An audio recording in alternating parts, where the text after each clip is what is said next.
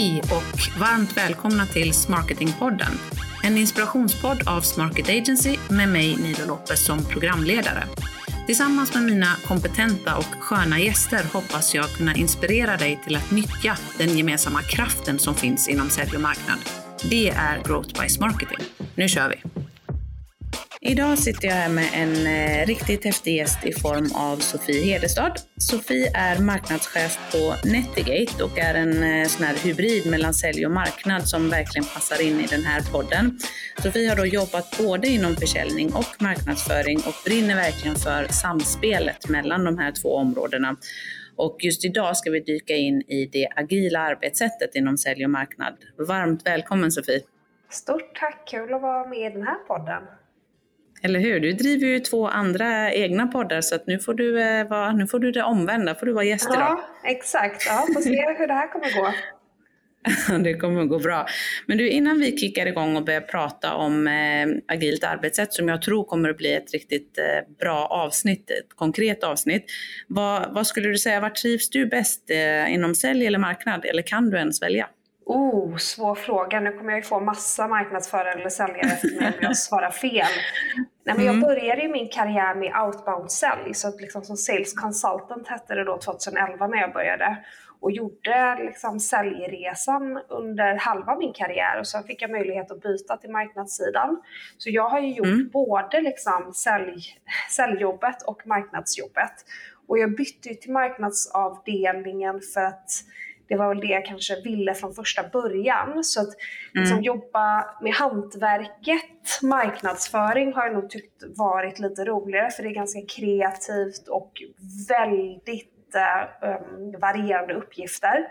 Säljsidan tyckte jag var väldigt kul eftersom jag är tävlingsinriktad och eh, sådär. Men det är väldigt svårt att välja. Men nu liksom när jag jobbar mer med ledarskap och driva ett team så känner inte jag att det spelar så stor roll om jag hade varit på marknad eller sälj. Utan det handlar ju om att liksom hela tiden utvecklas, utveckla teamet, utvecklas tillsammans, eh, testa nya saker för att nå ännu bättre resultat. Så att, ja, men just nu är det ganska svårt att välja faktiskt.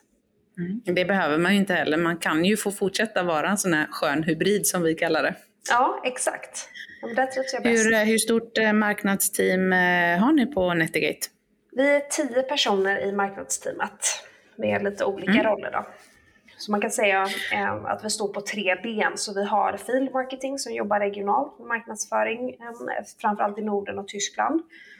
Mm. Och sen har vi ett digitalt team och sen så har vi även product marketing och sen har vi mötesbokare på inbound leads i marknadsavdelningen också. Okay. Intressant. Och ni jobbar ju då väldigt agilt så det ska, det ska bli verkligen intressant att höra hur ni har implementerat det och hur du tycker att eh, det fungerar. Ska vi börja med att prata om eh, modellen OKR som ni använder er av? Lite, vad står det för och, och vad, berätta lite mer om, om det. Mm, ja, men det är bra att vi börjar där, för det är liksom eh, det övergripande egentligen, det är där man börjar. Och, och mm. OKRs, det står för Objectives and Key Results. Okay. Och eh, det är en målstyrningsmodell och eh, man brukar ofta prata om Google faktiskt när man pratar om OKR.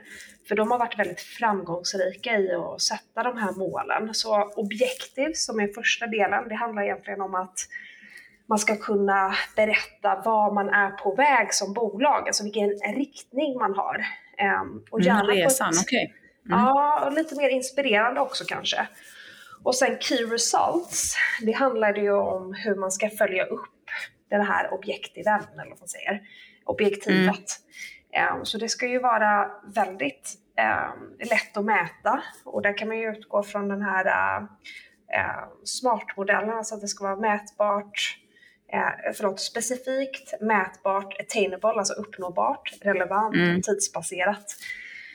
Så, så det är egentligen key resultsen som är eh, de verkliga, vad ska man säga, kopiorna som man annars använder. Nyckeltalen är eh, key results medan objectives är det övergripande målet dit ni ska. Precis, det stämmer bra. Objektiv ska ju gärna liksom i ord istället visualisera var man är på väg och vara inspirerande och key results, då mäter man ju om man, om man når målet eller inte. Mm. Och hur, eh, hur sätter ni de här? Hur sätter ni en, har ni flera OKR eller hur funkar det? Ja, om man börjar liksom, eh, hur jag tror de flesta bolag gör så är det ju styrelsen först som sätter upp det finansiella målet för bolaget. Och det mm. gör man ju tillsammans med vdn och ledningsgruppen i, i de flesta fall. Eh, för oss så har ju vi liksom eh, fått då ungefär hur mycket vi ska växa, eller vi har fått hur mycket vi ska växa på bolagsnivå. Mm. Och sen har vi i ledningsgruppen en workshop kring hur vi ska nå det här finansiella målet och hur vi ska få medarbetarna med oss på den här resan som ändå ska vara liksom utvecklande för alla parter och inspirerande och, och sådär. Ja, och där är ju verkligen så finansiella mål i all ära och det vet jag ju själv som driver bolag. Det är klart att ledning och styrelse och ägare vill att det ska växa, men det är kanske inte det mest inspirerande målet för, för medarbetare. Så, att det är väl, så, så ni får de här tillväxtmålen till er till ledningen och tanken är att då ska ni försöka hitta hur lyckas vi få med oss gänget med på resan. Precis. Och har man ett väldigt aggressivt tillväxtmål så skulle jag säga att som anställd, man ska inte se det som någonting väldigt negativt, tycker jag i alla fall. Utan nej, är man, nej. då är man ju med på den här resan och förstår om man växer ett bolag från 10 anställda till 60 personer under, under sin tid på ett bolag, då har man ju växt otroligt mycket som person ja. också. Oh, ja. um, det är en jättehäftig resa, verkligen. Mm. Så de, de, vi har fyra då objectives. Eh, bara väldigt, eh, eh, vad de handlar om så handlar det om en stark företagskultur. Det handlar om att ta in nya kunder. Det handlar om befintliga kunder, alltså customer success. Och sen har vi en objektiv hur vi vill stärka oss på tyska marknaden. Och det låter okay. kanske mm. inte så himla um, kul nu då, men, men till exempel så har vi den här um, om företagskulturen. Den objektiv för oss heter We Grow Together. Så där försöker vi mm. hitta då liksom någonting som vi tror och hoppas inspirerar de anställda. Så vi försöker liksom paketera det lite eh, roligare, inspirerande och sen så Key Result eh, på den är att vi mäter Employee Net Promoter Score. Eh, och det är en väldigt konkret KPI som man kan mäta. Ja men verkligen, så då är själva det övergripande att ni ska växa tillsammans, det vill säga att alla ska vilja vara med på den här resan. Det är Objective och Key Result, hur, ehm, hur många är de av era medarbetare är så nöjda att de rekommenderar er till eh, andra då? Precis. Och när vi har satt det här då på ledningsgruppsnivå eh, så har jag då i min, eh, jag sitter i marknadsteamet, då har vi en workshop och det gör eh, de andra i ledningsgruppen med sina respektive team också. Och anledningen till att vi sätter först på ledningsgrupp och sen så har den här workshopen i marknadsteamet, det är ju för att jag behöver ta med mig ganska mycket information från vad vi har diskuterat på företagsnivå mm. in i marknadsteamet. Men för den sakens skull så betyder det inte att det är liksom en top-down approach utan i den här workshopen så kommer alla i teamet med sina tankar och idéer på vad vi kan göra för att nå de här målen också. Eh, så jag skulle säga att vi har en ganska bra ett ganska bra flöde mellan eh, bottom-up och top-down om man kan säga så. Då. Att, att eh, mm. Det gäller ju också att man får vara med och påverka resan för att vara inspirerad. Så där har vi workshop-format som vi kör varje kvartal i teamet som jag tycker fungerar jättebra. Ja, för det var min nästa fråga. Hur ofta gör ni det? Ni gör det kvartalsvis, alltså sätter ni objectives för varje kvartal då eh, som ni sen bryter ner i key results per kvartal eller är objectivesen detsamma för hela året? Alltså när vi går in i ett nytt år så sätter vi objektiv och key results för året vi går in i. Så att eh, i slutet av 2021 så satte, satte vi objektiv och key results för 2022. Eh, och sen så har vi en uppföljande workshop där vi sätter key results för kvartalet. Vi bryter ner det och bryter ner det initiativ sen också. Eh, men objektiv sätter vi för året och sen key results sätter vi på kvartalet. Då. Mm. Det är klart, eh, för att till exempel ha en bra företagskultur, det är ingenting man kan göra på ett kvartal, utan vad ska vi göra just det här kvartalet för att nå den, den, det övergripande målet att ha en fin företagskultur. Det är ju ingenting man mm. kan sluta jobba med i Q2 för att nu är vi klara i Q1. Så det nej, nej. Ja, men det, Nej, den är viktig hela året. Ja, och förmodligen säkert återkommande år efter år, men man kan ju inte göra allting på en och samma gång. Så att vad jag uppfattade på dig som är att det här är ett sätt att klara av att prioritera insatser också, att alla må vara lika viktiga för att kunna uppnå det övergripande målet eh, företagskultur eller nöjda medarbetare. Men eh, vi kan inte göra allting samtidigt. Så vad är det viktigaste det här kvartalet för att jobba sig mot det övergripande målet? Mm, precis, och man jobbar ju redan med så otroligt många initiativ redan. Så jag skulle säga att um eh, man redan har ganska bra bild när man går in i ett sånt planeringsmöte mm. eh, kring vilka aktiviteter man ska satsa på. Så att, eh, det är inte så att man behöver komma helt blank och hitta på tusen nya idéer utan man jobbar kanske redan med några projekt som går över många kvartal. Just det. Ehm, så att eh, det ja, det finns ju säkert en backlog också med saker som man skulle vilja göra men eh, ja, som sagt man kan inte göra allting på samma gång. Så att, ja, men verkligen intressant. Eh, skulle du säga att, eh, jag får för mig att OKR-modellen är vanligare i SaaS-bolag, mjukvarubolag. Är det så eller har du någon uppfattning om det? Ja, men det är min känsla också. Nu har jag inte gjort någon marknadsundersökning på det här, men jag tror att de flesta bolagen jobbar ju med någon typ av målstyrning. Men OKR är ju väldigt hett, nästan som ett buzzword i eh, techbolag och tillväxtbolag. Så jag skulle mm. nog gissa att de flesta SaaS och tillväxtbolagen jobbar med OKR. Är det då för att, jag tänkte vi ska dyka in lite i det agila arbetssättet och att jobba i sprintar. Är det för att de två hör ihop? För att, att vara agil hör ju nästan till eh, techbolag och snabbväxande bolag, att man klarar av att eh, vara flexibel och jobba i kortare sprintar. Det kanske är därför, men ska vi dyka in där? Förklara det agila arbetssättet och att, att just jobba i sprintar. Mm. Nej, men det är också lite av ett BAS-begrepp, mm. alltså ett agilt arbetssätt. Vad är det egentligen? Och när jag kollar på synonymer till ordet agilt så dyker lättrörligt, smidigt, flexibelt upp. Och eh, det är väl klart att alla vill jobba smidigt och flexibelt. Om man skulle fråga någon så kanske man skulle tycka att man gör det. Mm. Men jag tycker att det agila arbetssättet hör väldigt mycket ihop med att man jobbar i sprintar. Och på vår marknadsavdelning så jobbar vi två veckors sprintar. Så det jag berättade om tidigare när vi sätter OKR och kvartalsplaneringen. Det vi gör i våra sprintar är att vi går in i vår OKR-planering och plockar uppgifter ifrån eh, den planeringen in i våra sprintar så att vi inte tappar fokus. Okay. Sen finns det ju såklart ad hoc-saker som dyker upp, men då lägger vi in det i våra sprintar också, så vi mäter hur mycket ad hoc-uppgifter som kommer in och hur lång tid de tar, vilka resurser de kräver från oss. Så vi försöker mäta allting som vi gör i form av liksom tid och resurser. Eh, och sen jobbar vi de här två veckors sprintarna eh, och plockar uppgifter helt enkelt från vår kvartalsplanering.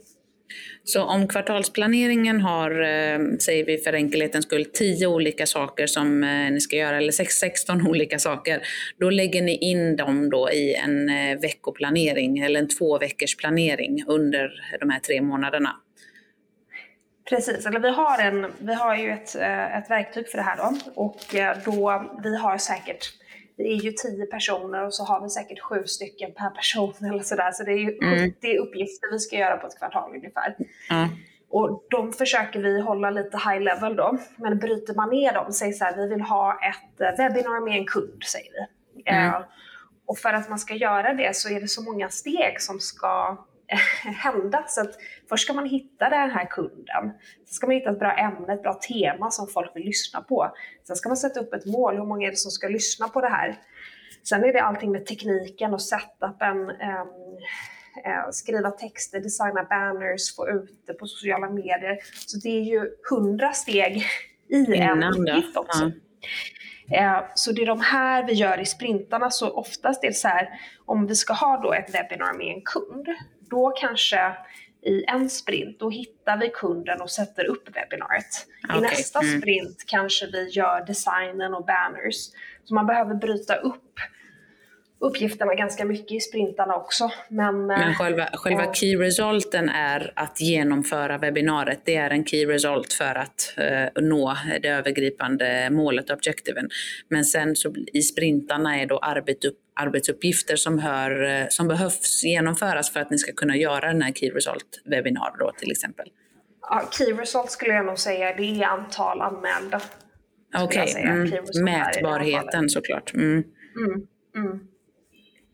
Eh, och alltid i två veckors sprintar. Men, men är, det, är det skillnad? För, för jag vet att utvecklare jobbar ju väldigt mycket mm, agilt och i sprintar, korta, eh, kanske en vecka till och med vissa dagar eller så. Men hur jobbar ni med just agilt och sprintar inom sälj och marknad? För inom marknad så har ni två veckors sprintar, men på vilket sätt kopplar ni ihop det med sälj? Vi, alltså säljsidan jobbar inte lika mycket med sprintar. Jag tror de är på väg dit också. Mm. Um, för där har det varit tidigare kanske att man har, du vet så här, man prospekterar, man ringer upp, man bokar möten, man genomför möten och sen börjar man om lite grann. Ja. Uh, men jag hävdar ju att säljavdelningen också kan jobba i sprintar. Och då har man ju oftast ett månadsmål man ska uppnå, eller ett kvartalsmål beroende på hur man rapporterar. Och mm. det behöver man ju också bryta ner. Så här, hur många eh, gånger ska jag lyfta luren till? Hur många möten måste jag boka? Det hade ju lätt kunnat gå in i ett sånt här planeringsmöte. Jag vet ju att säljavdelningen har väldigt mycket morgonmöten och sådär. Så då kan man ju införa eh, sprintstruktur där också. Ja. Eh, så att jag menar ju att sprintstrukturen passar nog på alla avdelningar. Sen behöver man tweaka och hitta sitt sätt också. Vad, vad, vad är det som är så fantastiskt med just eh, att arbeta i sprintar? Vad är det som gör att eh, du har fallit för det och du har implementerat det hos er? Innan vi jobbade i sprintar så jobbade vi nog som ett traditionellt marknadsteam. Man har morgonmöten och sen så pratar man igenom det som ska göras. Problemet är att det kanske är de mest extroverta i teamet som pratar under det här mm. morgonmötet och det är de som får hjälp med sina uppgifter medan introverta medarbetare deltar inte och lyssnar in. Um, sen om man leder det här teamet också så kanske man inte då förstår vad alla sitter med utan alla avrapporterar och det låter väldigt, väldigt bra. Men i sprintar så har man ju det dokumenterat och exakt hur det går. Så att, eh, om man, eh, vi har så här olika steg, så working on it, stuck, eh, done. Så man ser ju hur alla ligger till och sen har vi standups mm. också. Så mm. vi delar skärm och går igenom den här sprintboarden. Så det blir väldigt transparent, det blir väldigt visuellt. Det blir eh, um, alla är med och deltar lika mycket i möten eh, och alla ber om lika mycket hjälp. Eh, så jag tycker det blir väldigt demokratiskt, väldigt strukturerat, väldigt transparent. Mm. Eh, och vi får mer saker gjorda. För har man satt upp vad man ska jobba med och sen får, i sista mötet så säger man att man inte har gjort något av de här sakerna man har satt upp. ja, då, ja. då, då har man inte ja, riktigt hållit sitt löfte mot, eh, mot teamet. Så det, man, man, man gör ju sig själv ansvarig mot eh, sitt gäng, sina kollegor. Mm. Så egentligen i slutändan, det jag hävdar det är att man, man ökar produktiviteten, man når mer uppsatta mål eh, och för bolaget i slutändan handlar det ju om att man får mer tillväxt, man får fler nöjda kunder, eh, man får ut mer saker.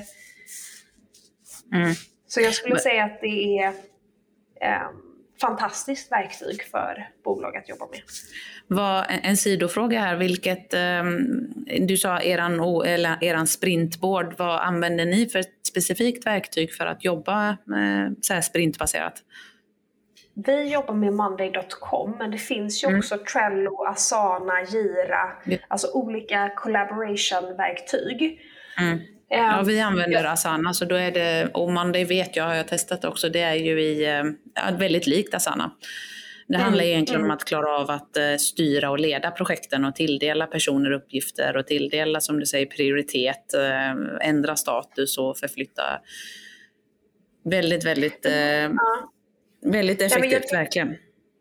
Ja, men de är superbra. De missar kanske lite där high level-delen för de är ju väldigt task och collaboration och day-to-day styrda. Um, nej men, eh, det, hade, det finns ju vissa OKR-tools också men jag har inte sett någonting ännu som eh, löser liksom helheten. Men, men uh, det funkar bra om man bygger upp det på ett strukturerat sätt. Mm. Hur, hur, skulle du säga att ni eh, hos er samverkar inom sälj och marknad? Är det, är det ett bra samarbete? Kan det bli bättre? Är det, ja, hur ser det ut? Vi har ju olika, vi har fokus på nordiska marknaden och tyska marknaden och man märker ju att det är olika dynamiker beroende på eh, vilka avdelningar, alltså om det är tyska, tyska marknadsavdelningen mm. med tyska säljavdelningen eller nordiska med, med nordiska säljarna och så vidare. Och eh, jag tycker det fungerar generellt väldigt bra att vi har, vi har möten löpande och eh, vi är Mellan, mellan sälj och marknad har ni, har ni löpande möten? Ja, precis. Mm. Så vi har det. Eh, vi hörs ju av dagligen liksom över Teams och över chatten och sådär. Och sen så har vi ju lite mer strukturerade möten varannan vecka i varje team. För att följa upp kvalitet på leads och se om vi kan göra någonting mer och så vidare. Men där har jag jobbat i, ja men det är superbra. Jag har jobbat i två olika eh, SAS-bolag. Och eh, alltså det har gått i cykler om det har fungerat riktigt bra och lite mindre bra. Men vad tycker du, vad tycker du Nilo? Hur tycker du liksom samarbetet mellan sälj och marknad ska se ut? Ja, det, det ser ju olika ut inom olika, för olika kulturer och i olika branscher, men jag tror att en nyckel är just det här att faktiskt ha stående möten som du säger att ni har. Eh, det är en sån gemensam nämnare för alla de som lyckas med det på ett bra sätt. För att om vi inte träffas och pratar om kvaliteten på leadsen, eh, aktuella kampanjer, pitchar som säljarna fokuserar på eller segment som säljare fokuserar på, då kan vi ju heller inte samverka. Så att ha de här gemensamma forumen tror jag är en, en nyckelfaktor eh, att ha med sig. Men sen också att att man har en bra relation, personlig relation också med några av de säljarna som jobbar inom ditt område för att lyft, kunna lyfta luren och fråga, du nu ska jag sitta och göra en kampanj för det här segmentet. Vilka är de tre vanligaste frågorna du får? De hinder som, som får dem att inte att tveka inför köp. Så jag tror dialogen är det som är det absolut viktigaste och ju mer man kan strukturera upp det så att det verkligen blir av, desto bättre. Mm. Så att där tycker jag att ni gör eh, helt rätt. Sen så finns det ju såklart det här med att man ska ha en eh, dokumenterad process och en playbook för hur man gör det här och ett systemstöd som som lirar, att man har sitt, har ni ett integrerat idag eh, sälj och marknadssystem? Har ni CRM och marknadssystemet integrerat hos er? Mm, vi har Salesforce som CRM och så har vi ju Pardot då som marketing automation. Ja. Så det är också en sån nyckelfaktor som vi har sett att eh, helst ska man ha samma som ni har. Det är ju en fullt, in, full integration som är tvåvägs. Eh, då slipper man eh, tappa saker mellan stolarna och man slipper för mycket administration. För det gillar inte, mm. spe, speciellt inte säljare, men det är inte många marknadsförare som gillar att administrera Excel-listor heller. Så att det, det är också en sån bra men du, om vi går tillbaka till det här med traditionella kopior vi var inne på i början. Så OKR jämfört med traditionella kopior och det sättet, vad, vad, vad skulle du säga är de största fördelarna med just OKR-tänket? jag tror vi var inne på det där i början att eh, kopiorna är ju key results egentligen, alltså vilka nyckeltal man ska följa upp på. Mm. Och key performance indicators, alltså det tänker jag har med nyckeltalen att göra det man tycker man glömmer är um, vad man är på väg som bolag, ja. alltså objectives. Att man inte riktigt förstår objectives um, när man jobbar med traditionella kopior.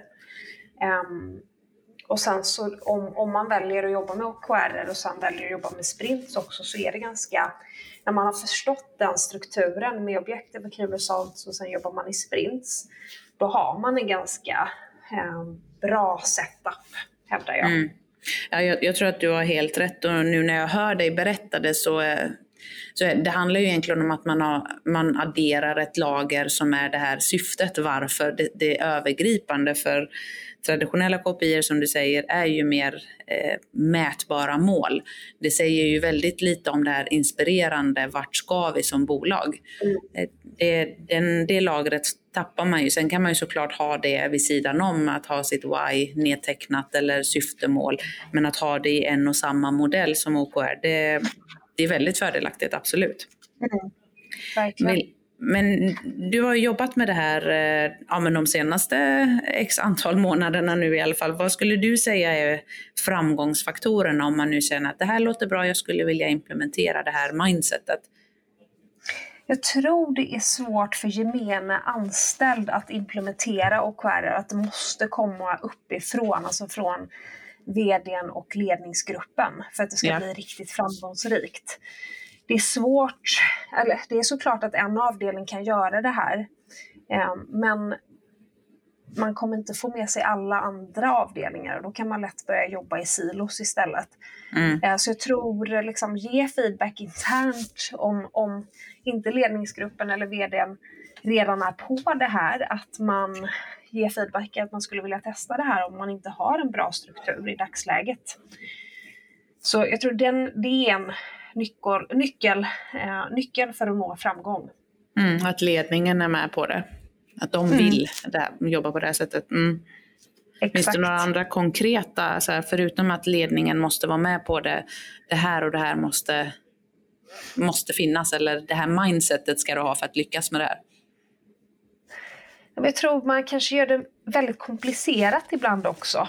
Um, alltså mm. så här, man försöker um, över, överkompensera eller prata för mycket om OKR. Egentligen handlar det om liksom sätta riktningen, sätta kopior eller key results um, och sen så uh, meddela detta till resten av organisationen så de vet vad högsta, högsta ledningen fokuserar på.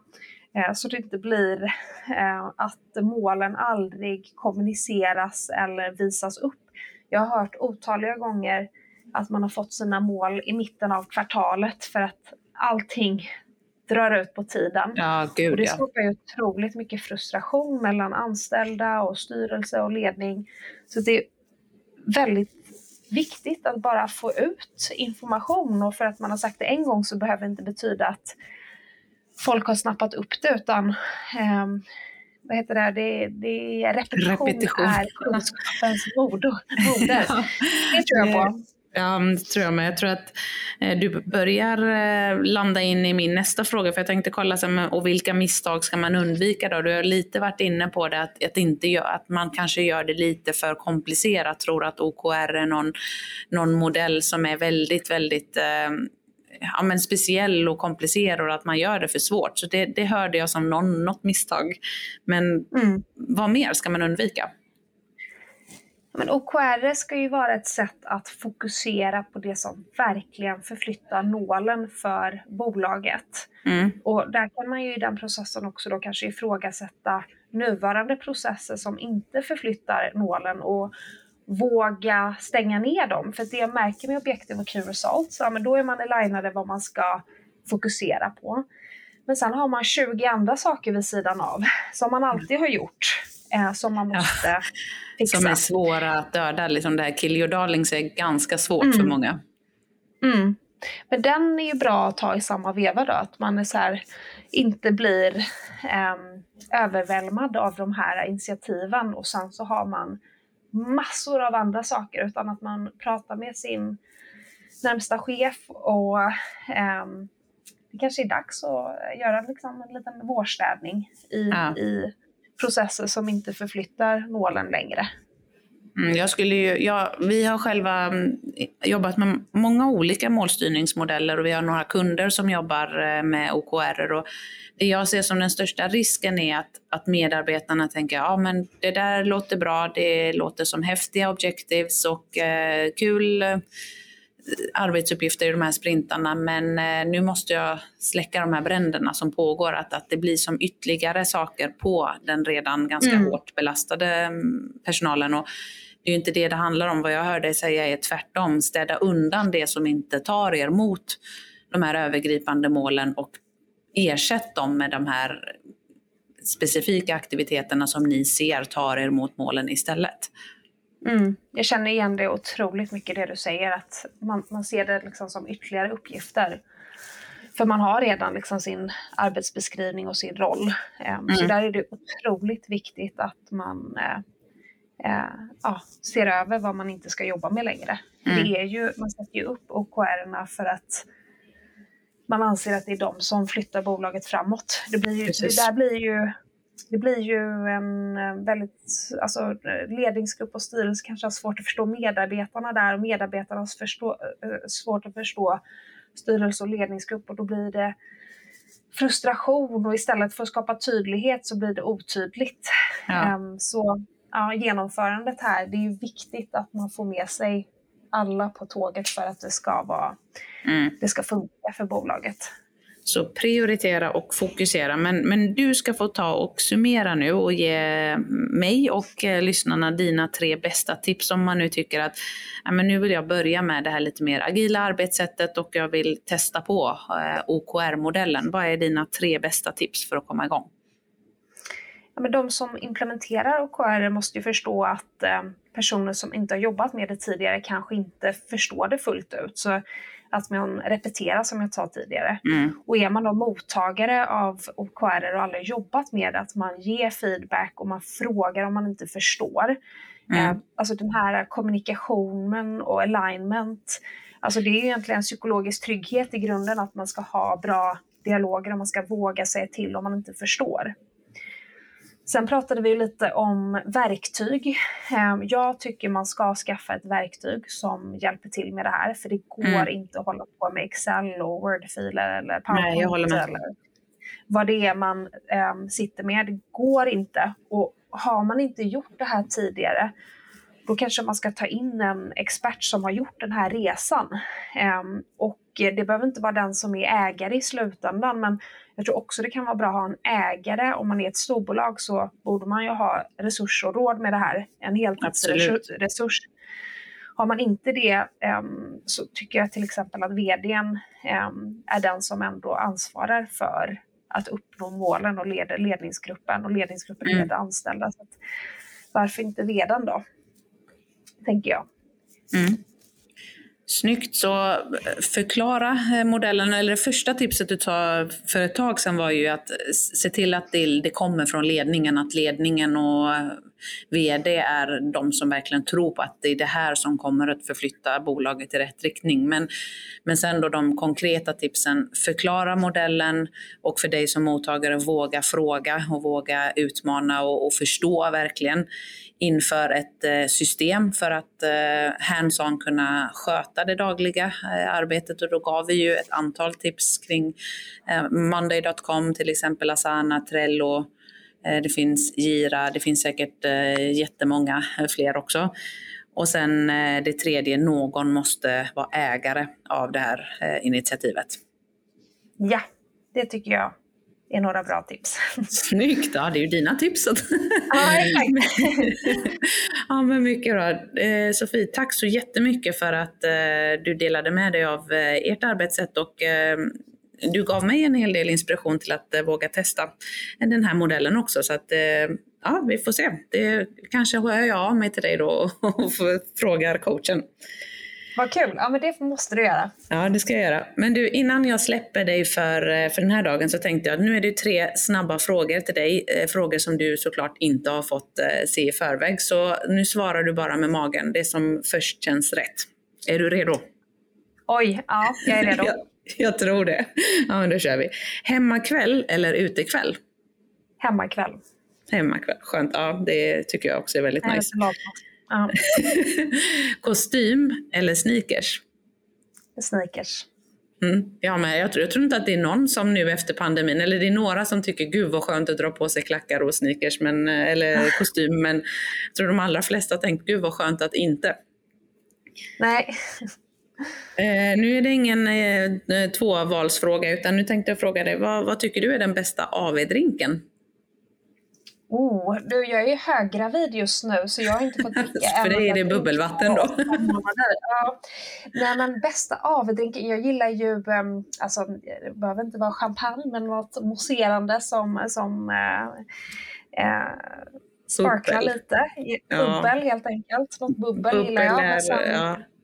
Ja. men på sommaren, nu vet jag denna, det här känns som att det här var massa år sedan men Aperol Sprit tycker jag är ja. väldigt god. Det är, då är det ju lite bubbel och så blir det liksom lite häftig färg. Och den är så snygg den äh, drinken också. Jag tror att den har fått en nytändning, Aperol Spritz, absolut. Ja, det tror jag. Ja, men den gillar jag. Och sen så, vad gillar jag mer? Nej, men jag kan säga massa här. Mojito gillar jag. Jag gillar ju de här ja. söta, sura, söta, sura ja. drinkar. Och bubbel. Bubbel, ja. Bubbel kan man inte gå fel med. Det håller jag helt och hållet med dig om. Tack så jättemycket igen för eh, dina tips, både drinktipsen och eh, tipsen kring eh, det agila arbetssättet. Och tack till dig som har lyssnat på podden idag. Vill du ha mer inspiration kring eh, försäljning och marknadsföring så tycker jag att du ska in och eh, prenumerera och lyssna på Smarketingpodden. Vi finns där poddar finns och har du någon gäst eller något ämne som du tycker att eh, vi ska ha med så kan du kontakta oss på LinkedIn, Facebook eller Instagram där vi finns. Eller så mejlar du till hej smarketagency.se. Tack för idag. Vi hörs. Hej då!